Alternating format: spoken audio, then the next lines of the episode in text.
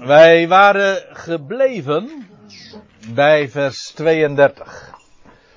Ehm, de nadruk ligt in dat vers vooral op niet Mozes, wat jullie denken of veronderstellen. Niet Mozes heeft u het brood uit de hemel gegeven. Waarom verwachten jullie dat dan wel van de profeet die in de wereld komen zou? Maar mijn vader geeft u dat, geeft jullie het ware brood uit de hemel. Daarmee is uiteraard niet gezegd dat het brood dat de, dat de vader ooit gaf in de woestijn geen echt brood was. Maar het is niet het ware brood. Het was brood, dat is waar. Maar het ware brood is waar het van spreekt. Namelijk het brood. Uh, iemand. Maar nou loop ik een beetje vooruit. Want uh, we krijgen straks nog uh, de, uit, de echte uitspraak, de echte uitleg van de Heer. Van ik ben het brood. Maar we, dat, dat komt nog. Eerst uh, moeten we eventjes goed onderkennen dat het brood dat ooit in de dagen van Mozes, gedurende de woestijnreis, uit de hemel kwam, een type was van het ware brood. Je leest in Exodus 16, moeten we even naartoe, daar, nou ja, ik neem u gewoon eventjes mee met het diaatje. Uh, wat je dan leest over dat manna. Manna heet zo omdat het. Ze zeiden, wat is dat? In het Hebreeuws zeggen ze dan manna. Of man, staat er geloof ik in het Hebreeuws. Of in de Statenvertaling. Man, dat wil zeggen ma. In het Hebreeuws zeggen ze dan, ik heb ooit een paar jaren modern Hebreeuws geleerd. Weet je het ook nog, uh, Therese? Dan zeggen ze, maze, wat is dat? Dat, en dat uh, manna is, uh, is dus gewoon de vraag. En daarom noemden ze, het huis Israël noemde het manna. Gewoon vanwege de eerste vraag toen ze het voor het eerst tegen, wat is dat nou voor spul zeg? Dat kun je je voorstellen. En dan 40 jaar lang hebben ze het gekregen. En dan lees je trouwens, dat is ook heel opmerkelijk. Als ze dan eenmaal gearriveerd zijn in het land, dan houdt het meteen op op die dag. En nou, ja, ik, wil het even lezen. Dit is eventjes geïmproviseerd, maar je leest in, dat moet in Jozua 4 of 5 zijn. Ja, Jozua 5. Dat ze in Gilgal dan arriveren, daar zijn ze dan ook besneden, daarom heet die plaats ook Gilgal, bij de Jordaan. Oh, daar zit zo geweldig veel in. Maar ik, ik wil me disci mezelf discipline opleggen. Het gaat me even om dit. Dus dan staat er in uh, Jozua 5 vers 10. Terwijl de Israëlieten te Gilgal gelegerd waren, vierden zij het Pascha op de veertiende dag van die maand, des avonds in de vlakte van Jericho. En zij aten daags na het Pascha van de opbrengst van het land ongezuurde broden en geroost koren op dezelfde dag. En het manna hield op, Jozua 5 vers 12, en het manna hield op daags nadat zij van de opbrengst van het land hadden gegeten. Dus hadden de Israëlieten geen manna meer, maar ze aten dat jaar van het land, wat het land Canaan opleverde. En ik kan u vertellen, dat was gerst. Want, ja, de, tijdens het Pesach pas uh, met Pinksteren wordt er het, uh, het tarwe gegeten. Maar in, met Pesach wordt het feest van de eersteling gevierd. Maar dat is de eerstelingsschoof van de gerstenoogst. En dat is de dag, die, die dag, dat, dat is de dag dat de, de eersteling uit het graf verrees. Dus gerst, gerstebrood verving het manna. Begrijpt u wat ik nu uh, zeg? Gerstebrood verving het manna. Maar oh, ik zeg dat expres even zo, omdat de voorgaande dag, toen heeft men gerstebrood gegeten. Het waren vijf gerstebroden, staat erbij. Nee, maar gerst heeft alles te maken met de opstanding. Met het leven dus. De opstanding en het leven. Ik vind het prachtig dus dat op manna ophoudt. Dat is met tijdens de, het feest van Pesach. En dan eet men vanaf die dag, houdt het manna op. En wordt vervangen door het overjarig koren van het land. En, en dat is. Uh, en dan wordt het, uh, de rol overgenomen door het gerstebrood. Dus typologisch sluit dat gewoon letterlijk en figuurlijk dus echt zo prachtig aan. Even terug. het was dus brood uit de hemel. Het, he, het huis Israël noemde het manna. En het was wit. Kleur van reinheid. Het was zuiver. Als korianderzaad. Als u nou aan mij vraagt, vertel eens wat over koriander, dan moet ik u uh, het antwoord schuldig blijven, weet ik niet. Ik weet één ding wel, en dat is dat het wit is. ja, er staat namelijk, het was wit als korianderzaad. Waarbij we trouwens twee dingen weten. Het manna, dat was wit, zuiver, rein. En het leek op zaad, namelijk korianderzaad. Maar daarmee heb ik tevens ook alweer ook weer, ook iets typologisch gezegd. Want dat manna is zuiver, rein, jawel, maar het is ook als zaad. In dit geval korianderzaad. Maar als zaad. Wat dus ook weer leven in zich heeft. Nou, laat ik het anders zeggen. Het leven gevend. Want dat is wat zaad toch is. Hè? Het geeft leven. Het produceert leven. En, staat er dan nog bij. De smaak ervan was als die van honingkoek. Dat zal ongeveer, denk ik, net zo gesmaakt hebben als jouw koek, uh, Ina. Erg lekker. Nou. wat zeg je? Oh, maar het was wel lekker zoet. Dat wel. Nee, maar even zonder, eh, zonder gekheid. Het was als, eh, de smaak was als van honingkoek. Het gaat natuurlijk om die, dat honing. Want dan, ja, waar moet, ik, moet je dan allemaal aan denken? Als je het hebt over honing. Dat wat de bij produceert. Het is met recht een bijproduct, hè. Een, een bij is, maar het Hebreeuwse woord voor bij is dan weer dabar. En dabar is het andere woord voor woord.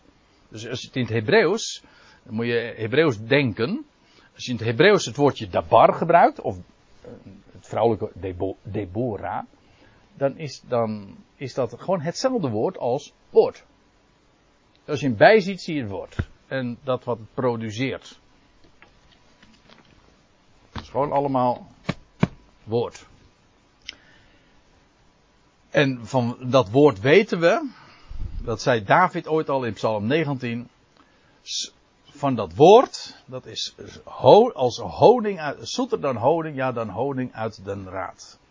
Dus uh, ja, uh, linksom of rechtsom, je komt bij dat mannen altijd uit bij het woord. Dat uit de hemel komt, want ja, per slotverrekening, het is God die dat spreekt. Het is, het is woord uit de hemel.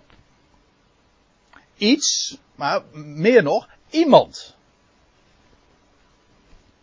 Wit, wat trouwens ook zit ik ineens weer denken, dat is trouwens ook nog weer veelkleurig. Maar dat weet je hè. Wit is eigenlijk een samenstelling van de zeven kleuren van de regenboog. Dus het heeft, draagt nog alle kleuren in zich ook, maar het is ook als zaad. En de smaak ervan is als honing. En via al die routes kom je altijd bij uit bij het woord. Het woord dat zuiver is, dat rein is, dat leven geeft. Het woord van God is levend en krachtig. Het geeft leven en het is zoeter dan honing. En het komt uit de hemel. Nou, dan weet je, dan weet je ongeveer wel waar het van spreekt. En het werd ooit weer vervangen door gerstenbrood. Want, ik lees even verder. Ik haak nou weer aan bij Johannes 6, vers 33.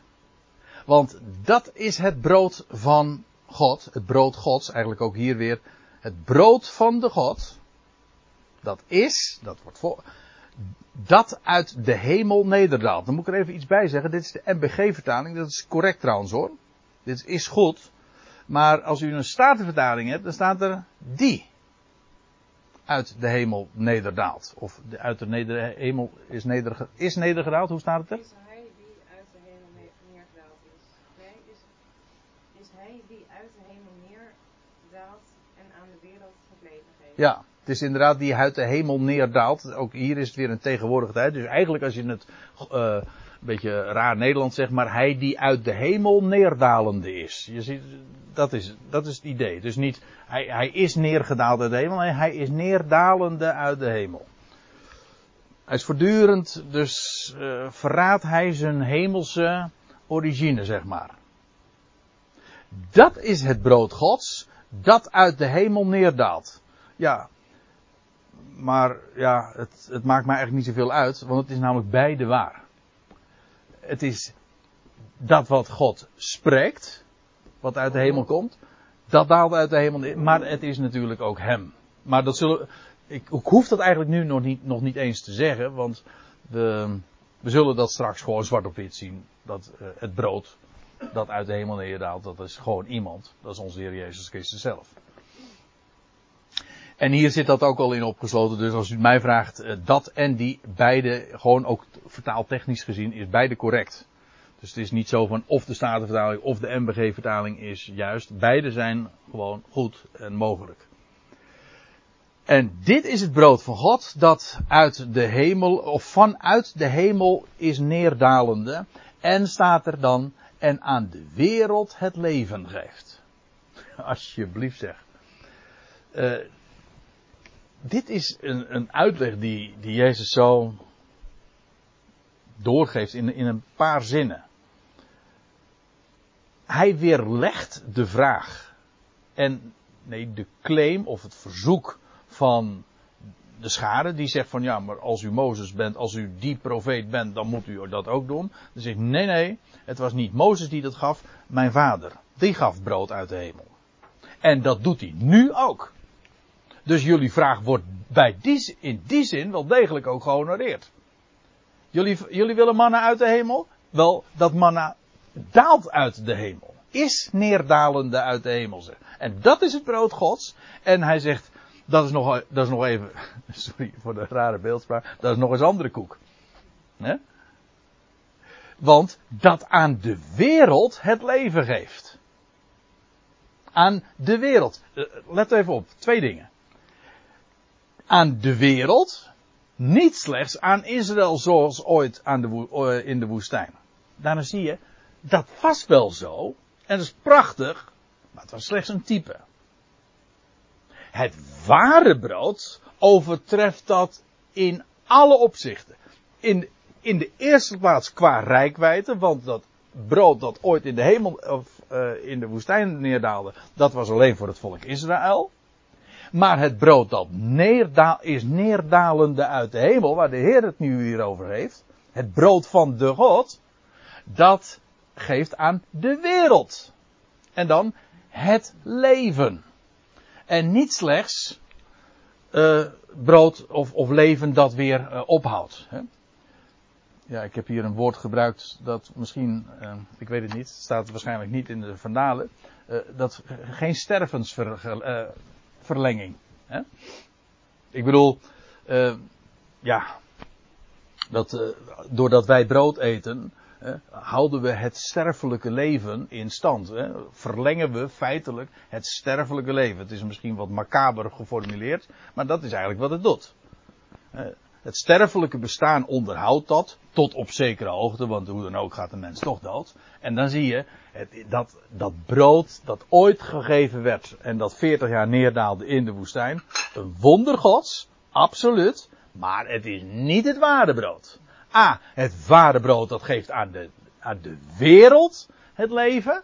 Heel vaak hè, zie je dat de wereld. Ook dat is weer typisch Johannes Evangelie. Zo vaak de wereld. Iedereen Israël. God denkt zo groot. De redder der wereld. Ik, voor de pauze haalde ik het ook al aan. En het leven geeft. Dat wil zeggen, echt leven maar dan hebben we het ook over leven dat de dood achter zich heeft en opstandingsleven is. En nou, dan zijn we weer terug bij dat gerstebrood. Want dat spreekt juist van de opstanding. Echt leven. Het on, dat is namelijk leven in de absolute zin van het woord, onvergankelijk leven. En dat is de, dat is, dat is de mooiste boodschap die je aan een, aan, een, aan een sterveling kunt geven. Ik bedoel, de hele mensheid, al die miljarden mensen, het zijn allemaal stervelingen. En we, het is een stervende wereld waarin we leven. En wat is nou, wat is nou het evangelie van God? Ah, hij geeft aan de wereld leven. Aan de stervelingen belooft hij het leven, namelijk het leven dat Jezus Christus ooit 2000 jaar geleden aan het licht bracht.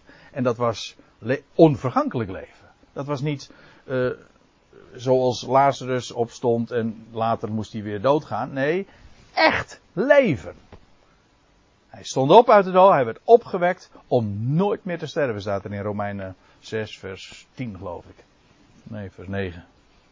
In ieder geval, dat is het leven. Ziet u twee tegenstellingen. Het brood Gods, het ware brood, geeft aan de wereld het leven. En zij zeiden dan tot hem, Heer, geef ons altijd dit brood.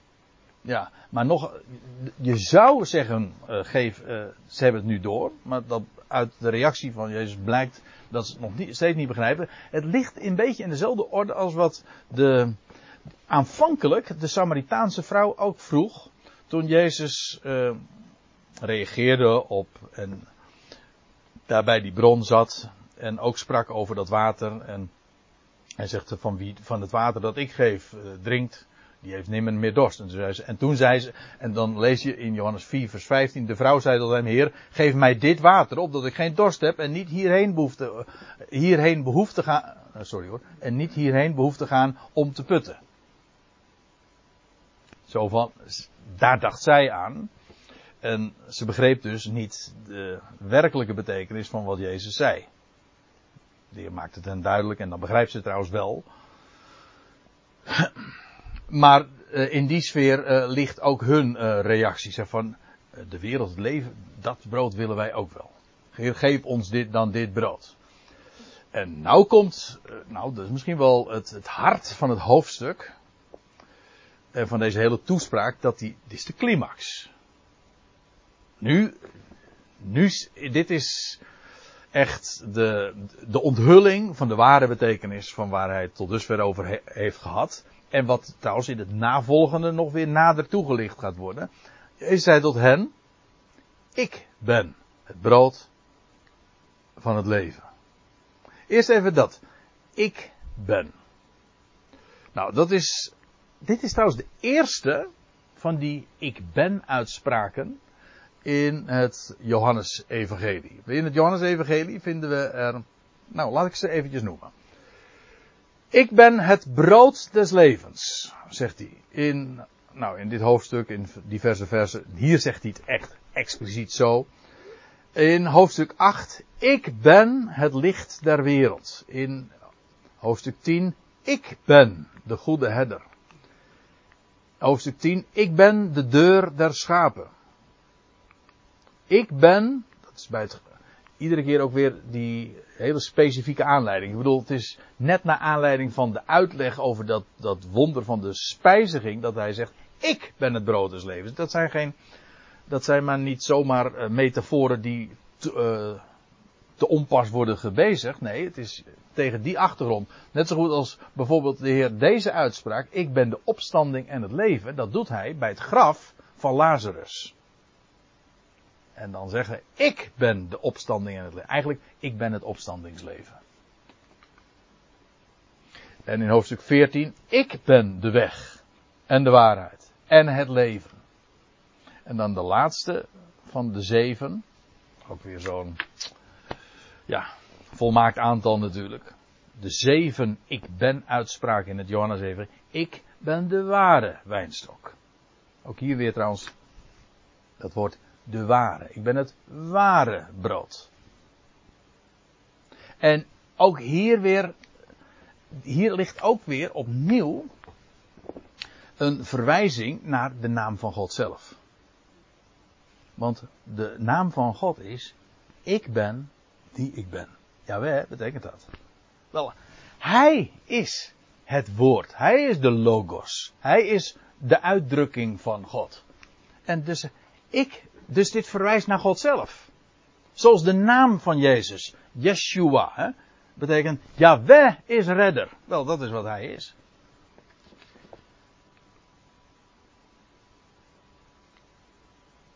We, komen daar. Uh, later wil ik er nog wat uh, meer over vertellen. Over die. Over de, ook over de samenhang van die ik ben uitspraak. Ik wil het nu eventjes hierbij laten. Maar al, ik heb er dan alvast wel even op gewezen dat dan uh, dit nummer 1 is in de, de serie die we nog uh, gaan, gaan, gaan uh, tegenkomen. En als de Heer dan zegt, ik ben het brood des levens, eigenlijk staat er gewoon het brood van het leven. levens. Ook hier is, dat is weer die, weer die naamval. Dan moet je niet denken aan meerdere levens. Het is geen meervoud, het is gewoon een naamval. Ik ben brood, het brood van het leven. Waarbij uh, leven, maar dat moet u inmiddels uh, toch bekend in de oren klinken. Waar niet alleen slaat op het feit dat het leven heeft en leven bezit, maar het geeft ook leven. Als zaad. Zoals dat manna ook al als wit als korianderzaad was. Brood van het leven. Vandaar ook dat, ik herhaal het weer, dat gerstebrood weer. Het heeft te alles, brood in het algemeen is een uitbeelding van leven, maar dat gerstebrood in het bijzonder, dat spreekt van opstandingsleven. Ik denk dat we deze naam. Ja. Dat, uh, dat spreekt ook van, uh, dat waren bittere kruiden, die werden gegeten bij het paaslam. Koriander? Koriander, ja. Ja? Ja. Oké. Okay.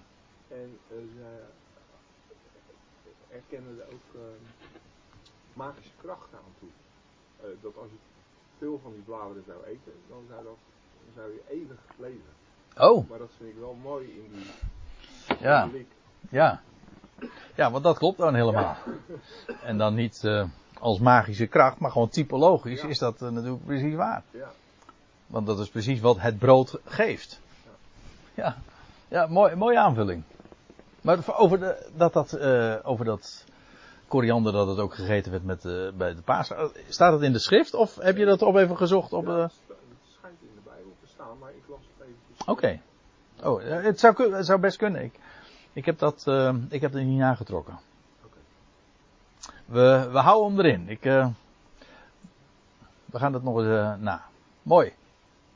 En dan zou je. Zou het natuurlijk wel de moeite waard zijn als je dan, daar dan toch mee bezig bent. Van ja, wat is dat, uh, dat spul eigenlijk? Uh, nog meer, hè, dat koriander. Ja. Ik kom het niet dagelijks tegen, laat ik het zo zeggen. Arie, jij bent nogal een kenner. Nee, een beetje uitheemsoort. Oh. Een? Een uitheemsoort. Ja, ja. Oh, hier helemaal niet. Nee. Nee. Ik denk dan, dat is even een zijn van, ik denk dat er nog een veld van staan waar op dit moment koriander nog helemaal in verwerkt is in onze producten de hele dag. Oké. Okay. In het kruid. Ja, daar ken ik het meen ik ook van, ja. Als, als, uh, om het, als, als kruiden bij het eten, ja. Ja. Nou ja. Het, dat zijn allemaal zo van die losse gedachten. Ik kan, uh, ik kan hier er geen bonnetjes bij leveren, maar uh, goed. Staat het niet dat het is koriander? Nee, het is als. Ja, precies. Ja. Het was wit als korianderzaad. Maar goed, dus het wordt wel gelinkt dus aan dat koriander. Op een of andere manier. Maar ik, wat ik vooral belangrijk vind, en die, die betekenis uh, ligt wel uh, heel duidelijk ook voor de hand. Het was als koriander zaad. En dus leven producerend. Het brood van het leven. Ik ben het brood van het leven. En natuurlijk, en, maar dat hebben we al zo vaak inmiddels in het Johannes-evangelie gezien. Al die uitspraken die de Heer doet over wie hij is, verwijst altijd naar dat wat zou aan het licht zou komen door zijn dood en vooral zijn opstanding. Als hij zegt, ik ben de opstanding en het leven, natuurlijk, dat is hij, maar wanneer werd hij dat daadwerkelijk? Dan toen hij opstond uit de dood en leven aan het licht bracht. En alles wat in het Johannes-evangelie beschreven wordt, verwijst daar naartoe. Ik, uh, ik heb nog een ander voorbeeld. Die schiet me nu te binnen. Dan, dan staat er in uh, Johannes 8, nee Johannes 7, dat volgende hoofdstuk. Dan, dan zegt hij van, uh, de laatste, de grote dag van het Loofhuttenfeest lees je dat de Heer dan zegt van,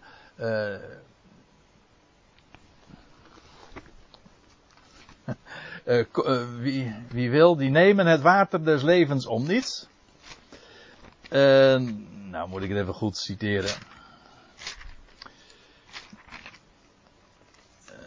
even een momentje hoor. Ja. Wie in mij gelooft. indien iemand dorst heeft, Johannes 7 vers 37. Indien iemand dorst heeft, hij komen tot mij en drinken.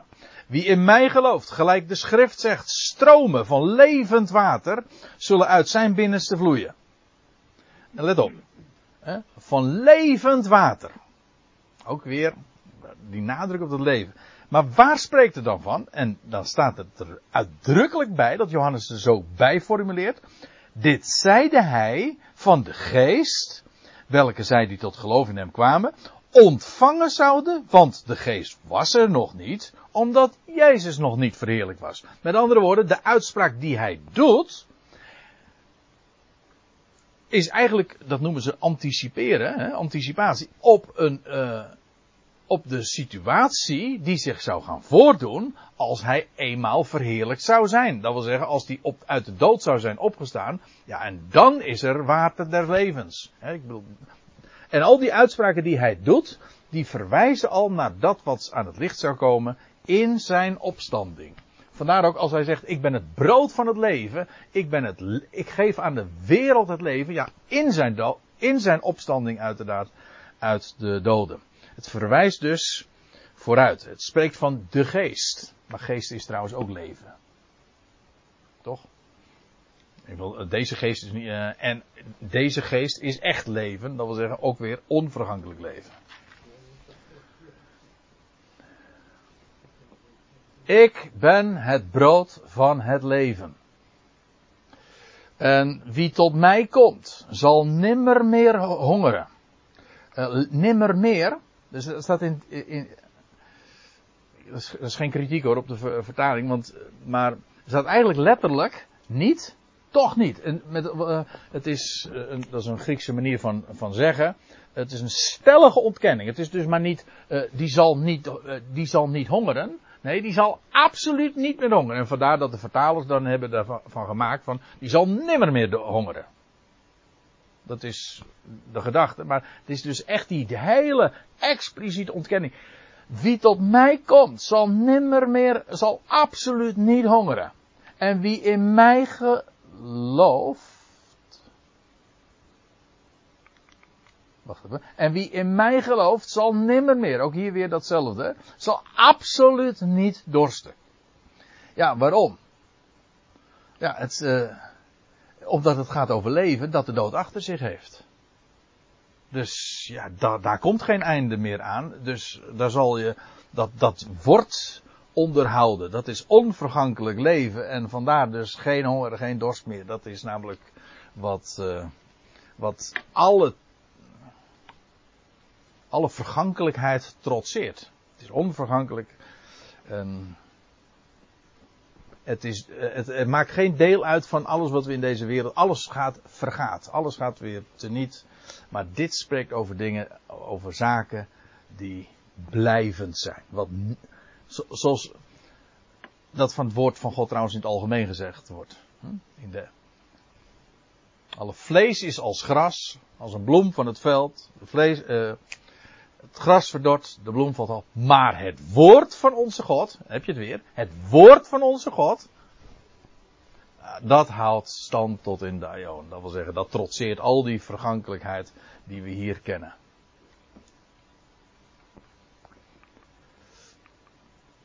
Waarbij je trouwens nog iets uh, leuks ziet uh, in dit, dat noemen ze parallelisme. ik ben het brood des leven. Wie tot mij komt, zal nimmer meer hongeren. En wie in mij gelooft, zal nimmer meer dorsten. Hongeren komt overeen met dorsten. En wie in mij, tot, wie tot mij komt, komt overeen met wie in mij gelooft. Dat is dus gewoon. Het een slaat op het ander. Ik zeg niet dat het absoluut hetzelfde is, maar het is gewoon, het loopt parallel.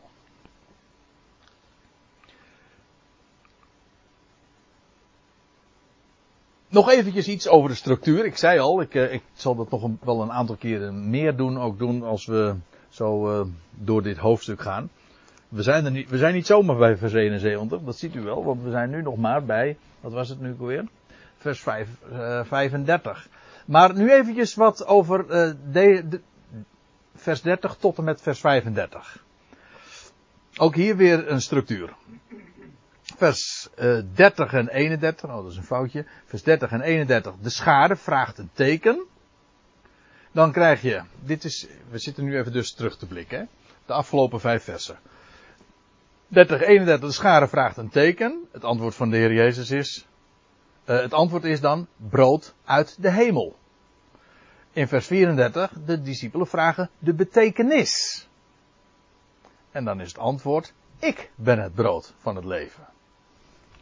Ook hier weer, dit komt overeen met het andere, nadat ik het allebei zwart ook heb gedaan. En hier bij het inspringen, dit komt ook weer met elkaar overeen. In beide gevallen is het een antwoord. Hier vraagt de schade het, hier vraagt de schade een teken. En in vers 34 vraagt de- vragen de discipelen de betekenis.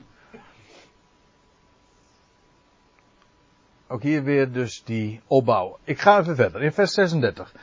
Maar, zegt Jezus dan, ik heb u gezegd dat gij niet gelooft, ook al hebt gij mij gezien. Ik zei al dat die eerste eh, van vers, vanaf vers 26, als de toespraak begint tot vers 36, dat is gericht aan ongelovigen. Nou, en dat blijkt dus hier, want eh, nu zegt de Heer, maar ik heb jullie gezegd, jullie gezegd, dus hij refereert aan iets wat hij eerder eh, al aan hen gezegd had, dat, dat jullie niet geloven. Jullie geloven niet, ook al hebt gij mij gezien. Jullie hebben mij gezien, maar jullie geloven niet. Dat is precies wat de Heer in 10 versen eerder, in vers 26 dus, had gezegd. Jezus antwoordde hen en zeide, voorwaar, voorwaar, ik zeg jullie, jullie zoeken mij niet omdat gij tekenen gezien hebt, maar omdat gij van de broden gegeten hebt en verzadigd zijn. Dat zeggen, jullie geloven niet echt. Jullie komen nou wel, maar niet naar mij en niet vanwege de betekenis. Maar alleen maar vanwege dit en het fysieke en de sensatie en whatever. Maar in ieder geval niet, eh, jullie geloven het niet. Alles, vers 37, alles wat mij de Vader geeft, zal tot mij komen. Wie tot mij komt, zal ik geen zins uitwerpen. Eerst even dit. Eh, We hebben het al even over gehad. Dat we in vers 29 zagen. Geloven, dat is het werk Gods. Dus ik, ik moet zeggen, dat is niet alleen maar een bijbelse waarheid. Zo van, nou ja, ik laat het zien en, eh, en, en het staat er gewoon. En alsjeblieft, en er zijn deze tekst, deze tekst, en daar staat dat. Dat is, het ene, dat is de ene lijn waarop je dat eh, kunt staven. Maar het is ook wel fijn en mooi als je, het, als je de logica ervan ziet. En ik moet u zeggen, eh, ik heb daar totaal geen moeite mee. Om de logica te zien van dat God het is die overtuigt. Geloven, dat doe je omdat je overtuigd bent.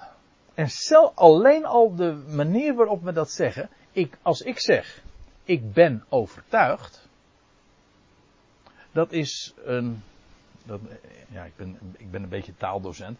Dat is een passivum, dat wil zeggen, het is de leidende vorm. Ik ben overtuigd. Als ik zeg ik overtuig, dan doe ik iets, dan ben ik actief en dan ben ik bezig te overtuigen. Maar als ik zeg ik ben overtuigd, dan overkomt mij iets. Ja, ik ben overtuigd. Is dat een prestatie? Nee, helemaal niet. ja, dat, dat is juist geen overtuiging. Dat is juist geen prestatie. Het overkomt je. Daarom zeg je, ik ben overtuigd. Dat is wat geloof is. Ik ben overtuigd. Ja, door wie? Als het door mensenwoord is, dan zeg ik, nou, hij, uh, die had zo'n goed verhaal, hij heeft me overtuigd. Maar als ik nou, als, als ik overtuigd ben van Gods woord, wie heeft mij, of wat heeft mij dan, dan overtuigd? Nou, het woord. Of God heeft mij overtuigd door zijn woord. God eh, ook, precies. En dat is altijd, en jij uh, zegt dat nu, uh, Adriaan, maar ik, ik had dat nooit zo gelezen. Volgens mij heb ik het jou tegen, persoonlijk alles tegen jou gezegd. Maar ooit wees jij mij op die, ik weet niet eens meer precies het hoofdstuknummer, maar die staat in spreuken. En ik had dat nooit zo gelezen, maar toen jij mij wees op de geestelijke betekenis daarvan, toen werd het nog veel mooier. Namelijk, er staat in spreuken. Het oog dat ziet, het oor dat hoort, beide heeft de ere gemaakt. En in de fysieke zin van het woord is dit gewoon een open deur intrappen. Ja, als ik u, ik zie u hier nu zitten. Ja, ik zie u best zitten. Hè? En u ziet mij zitten, gelukkig, ja, met recht. Hè? Is dat, ja, ja, ik, ik zie dat. Maar waarom zie ik dat? Omdat God mij ogen heeft gegeven. En het oor dat hoort, ja, dat heeft de Heer gemaakt. Als ik hoor, dat is toch geen prestatie. Zien en horen, dat is een gave Gods. Maar dat is fysiek zo, maar geestelijk ook. Als je iets mag zien in zijn woord, iets mag verstaan van zijn woord, dan komt dat omdat hij het jou laat zien. Omdat hij jouw ogen daarvoor opent. Of dat hij, zoals van Lydia, je hart daarvoor opent. Dus, ja, dat is iets wat je overkomt, ja. En ik hou heel, nou ja, we hadden het voor de pauze al even over. Dat is helemaal niet van, oh, het moet je maar gegeven worden. Het is, de waarheid is, het is een, de prestatie is van hem en dus ook de eer is aan hem. Hij geeft het ook. En hij geeft het ook. Uiteindelijk aan iedereen, maar goed. Uh, hè. Voor sommige mensen is het wat geduld. Maar ik bedoel, dit te zeggen, als je vandaag hem mag kennen, dan ben je gewoon, ja, dan ben je zeer uh, bevoorrecht, want hij heeft jou, hij heeft mij nu al overtuigd van wie hij is. Maar dat is zijn werk. Ik kan het niet genoeg benadrukken. Het is zijn werk. En ja, alles wat mij de Vader geeft, zal tot mij komen. En dan, ik verwees al eerder op vers 44, niemand kan tot mij komen, tenzij de Vader hem trekken. Het wordt trouwens in vers 65 ook nog een keer herhaald. Maar goed, daar komen we nog op, dus ik wil uh, niet uh, voor de fanfare uitlopen. Maar alles wat mij de Vader geeft, dat zal tot mij komen. Met andere woorden, dat komt. Hoe komt het? Waardoor is het dat het tot mij komt? Omdat de Vader het mij geeft. Zo. Dus eigenlijk is het een cadeau, dus, zoals het hier staat, van God aan zijn zoon. Hier heb je ze. Dat zijn degenen die vandaag hè, in hem mogen geloven. En wie tot mij komt, zal ik geen zins uitwerpen. Dus uh, je hoeft nooit je af te vragen van ja, kan ik wel komen? Nee, de uitnodiging is er. En als je gekomen bent, dat is zijn verdiensten. Dus genade. Wie tot mij komt, zal ik geen zins uitwerpen. Ook hier weer trouwens, dat ziet u, dat niet. Toch niet. Eerder werd vertaald met nimmer meer. En hier geen zins. Maar het is, de, het is exact dezelfde uitdrukking. Maar dus de absolute benadrukking van absoluut niet de, zou ik dat uh, die, zou ik zo iemand uh, buiten werpen. Want ik ben van de hemel neergedaald.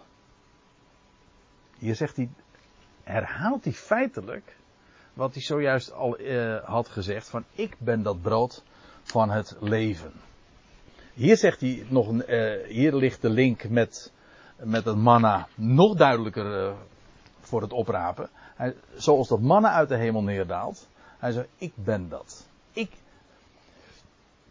ik ben dat manna. waaruit trouwens ook nog blijkt, maar daar wil ik de volgende keer op, nog weer op ingaan. Dat hij dus maar niet zomaar een mens is. Nee, hij is vanuit de hemel neergedaald. Ben u, dat, dat, dat gaat niet op voor u of mij. Hij is namelijk het woord dat van den beginnen is. Maar dat is Johannes 1. Maar daar zullen we het de volgende keer over hebben. Hier is, uh, wil ik er alleen al even op wijzen. Ik ben van de hemel uh, neergedaald. Het vlees geworden woord. Hè. Niet om mijn wil te doen. Maar de wil van hem die mij gezonden heeft. Het ging de Heer nooit. Dat is eigenlijk zijn, dat is zijn glorie ook. Het ging de Heer nooit om zichzelf, maar altijd om de wil van zijn vader. En zelfs toen in de hof van Gethsemane zei, niet mijn wil, maar de uwe geschieden. En dit is de wil van hem, die mij gezonden heeft, dat ik van alles wat hij mij gegeven heeft, wat hij heeft gegeven, voltooid tegenwoordige tijd. dat hij alles wat hij mij gegeven heeft, niets verloren laten gaan, eh, maar het opwekken ten jongste dagen. Nou, die laatste, die laatste zin, nou dat, dat wordt echt te veel, want oh, trouwens ik zie dat het al vijf voor tien is. Maar ik wil op één ding nog eventjes wijzen. Als hier staat, dat ik, spreekt de Heer zelf dus, van alles wat Hij, God, de Vader, mij gegeven heeft, niets verloren laten gaan. Dan komen we, dan bladeren we even door in Johannes 10 en dan zien we dit. Oh, een beetje raar, maar goed. Uh, Johannes 10 vers 27, daar zegt de Heer, mijn schapen, dat was trouwens naar aanleiding van die metafoor, ik ben de goede herder. En dan zegt hij, mijn schapen horen mijn stem. En hij zegt, ik ken ze en ze volgen mij. En ik geef hun Ionisch leven, dat weer dat eeuwig leven. En zij zullen voorzeker niet verloren gaan tot in de Aion. En niemand zal ze uit mijn hand roven. Wat mijn vader mij gegeven heeft. Dat zagen we net toch? Wat mijn vader mij gegeven heeft, gaat alles te boven. En niemand kan iets roven uit de hand van mijn vader. Eerst, mijn, uh, eerst was het uit mijn hand en hier uit de hand van mijn vader. En dan zegt hij, ik en de vader zijn één.